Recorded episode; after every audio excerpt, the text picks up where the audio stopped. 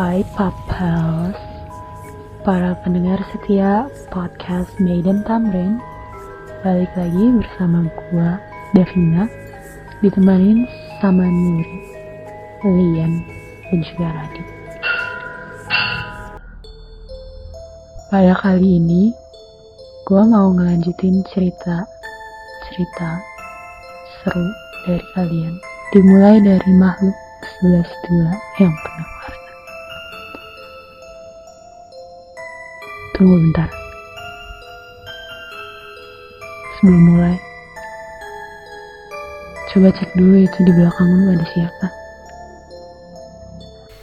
makhluk 11 14 ini ceritanya udah berwarna banget gue ngalamin ini dengan tiga orang lainnya pertamanya gue dari empat orang ini ada yang cerita ke gue kalau misalnya mereka kemarin setelah sholat maghrib mereka balik lewat lapangan muter ke belakang asrama putri. Dan kata mereka kayak ada yang gak bener gitu di sekitaran kebun belakang lapangan. Jadi mereka lari kemarin. Dan di hari itu mereka ngajak gue dan satu orang lainnya. Karena mereka tahu gue berani sama yang begituan. Akhirnya gue mengiyakan untuk kembali lewat belakang asrama setelah selesai sholat maghrib kita nunggu lebih lama dari biasanya. Buat nunggu agak sepi. Dan pas sudah agak sepi kita mulai jalan ke arah lapangan. Awalnya nggak ada apa-apa dan emang fine-fine aja. Dan di saat itu di antara jalan di belakang asrama putri itu lagi ada jaring yang diikat dengan tali rapi itu. Pas udah mulai dekat belakang asrama putri kita semua membeku semua langsung merecognize ada sesuatu hal. Dan itu tuh bener-bener gak beres. Dan bener aja tali yang ngebentang di belakang asrama putri itu bergetar. Itu mulai bergetar kencang banget. Padahal kita nggak berasa ada angin sama sekali. Gue orang pertama yang lari dari situ karena gue denger ada suara kayak sekelompok orkestra yang main gamelan dan pas gue udah mulai lari gue denger dengan jelas kalau ada suara cewek yang nyinden dan gue sempet nengok ke belakang kalau tiga orang lainnya tuh belum mulai lari. Dan pas mereka ngeliat gue lari akhirnya mereka sadar kenapa gue lari. Kita semua akhirnya lari ketakutan sambil teriak-teriak. Dan setelah gue tahu ternyata apa di kebun MHT gue nggak pernah lewat sana lagi dan fun fact aja setiap gue jogging di MHT gue selalu setel murotal di HP gue dan setiap gue di depan kebun itu murotalnya itu selalu berhenti. Dan bakal jalan lagi kalau gue udah gak di depan kebun itu. Sekian. Bener-bener ya cerita-ceritanya makhluk 11 14 ini tuh sangat serem banget dan pengalamannya tuh gak cuma di MHT doang emang selama hidupnya kayaknya dia makhluk-makhluknya udah pada suka sama dia dia famous ya di lingkup dunia maya Tapi ini serem banget sih, karena emang gue juga denger dari beberapa orang. Tapi jujur sih dari gue, gue juga gak pernah ngalamin. Tapi dari asrama putri juga sering kedengeran dulu kalau ada suara gamelan-gamelan gitu dari arah lapangan. Kalau Lian sendiri pernah denger nggak? Enggak, Li kan di asrama putri tuh katanya banyak horor ya. Lian pernah nggak sih kayak ngerasain sesuatu yang horor dari asrama sendiri? Dari gue sendiri, gue gak pernah ngalamin, tapi gue emang paranoid gitu. Cuma emang seumur hidup gue gak pernah ngalamin karena gue selalu mikirnya gini, mereka ada, tapi apa ya? Kita gak harus takut, kita gak harus takut, tapi kita tetap harus ngeyakinin kalau mereka ada dan ngehormatin keberadaan mereka gitu. Mungkin itu kenapa hidup gue pis-pis aja. Intinya sopan santun karena mereka selalu ada. Iya. Jangan nganggap remeh, tapi ya jangan berlebihan juga menurut gue. Oke, kita lanjutin ke cerita selanjutnya. Jadi, ini cerita sepupu gue yang terjadi di rumah gue. Malam itu, gue ngejemput sepupu gue yang datang dari Bandung di stasiun. Dan pas nyampe di rumah, belum terjadi apa-apa. Dan pas kita semua udah mau tidur, sepupu gue matanya melotot dan ngarah ke jendela. Dia bilang kalau ada topeng di jendela rumah gue.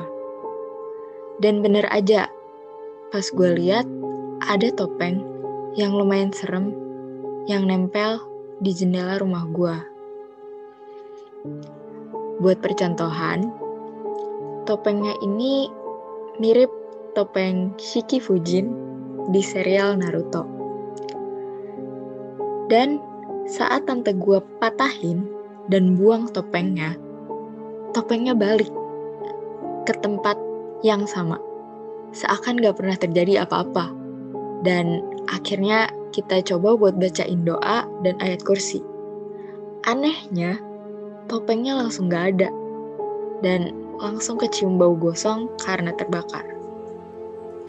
Uh, kalau kata gue sih ya menurut gue si tantenya ini mikirnya kalau itu topeng biasa kayak topeng mainan doang ya udahlah patahin aja gitu kan kayak topeng biasa jadi taunya kalau topengnya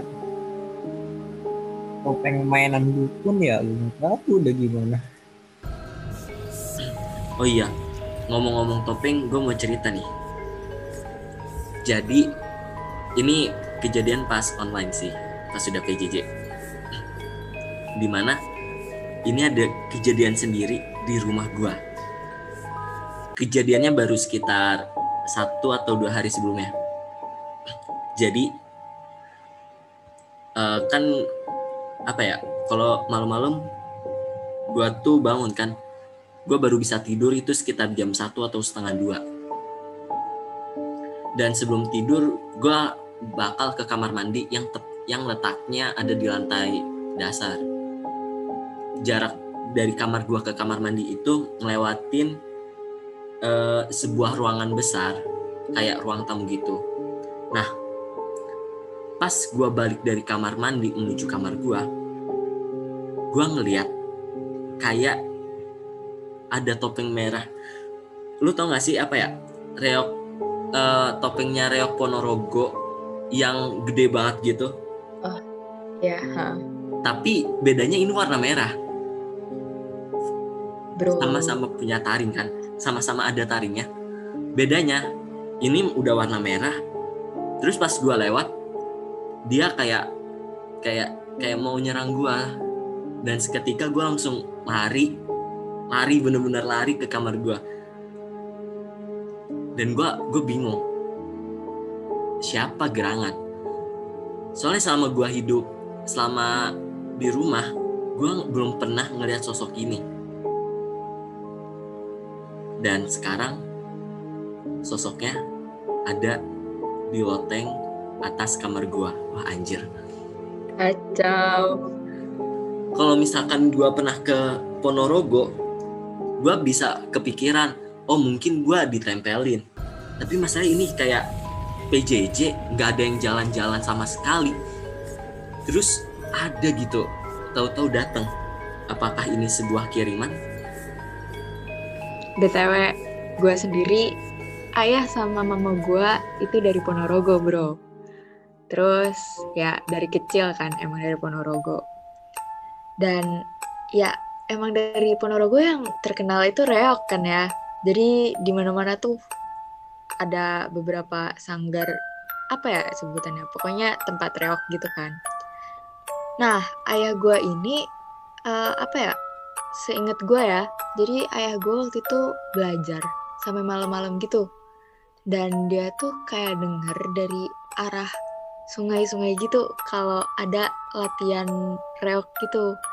Pokoknya suara gamelan-gamelan gitu dah. Dan ya ayah gue positif thinkingnya kayak oh mungkin lagi latihan. Tapi begitu besok-besoknya ketemu sama orang-orang reok itu ditanya kan. Tapi ternyata mereka gak latihan bro. Jadi ya nggak tahu deh siapa yang tengah malam begitu ada suara gamelan. Cukup sekian cerita untuk malam ini. Jangan lupa untuk like dan share podcast episode ini dan episode-episode sebelumnya. Jangan dekati tempat gelap, karena di sana banyak yang ngintai. Bye.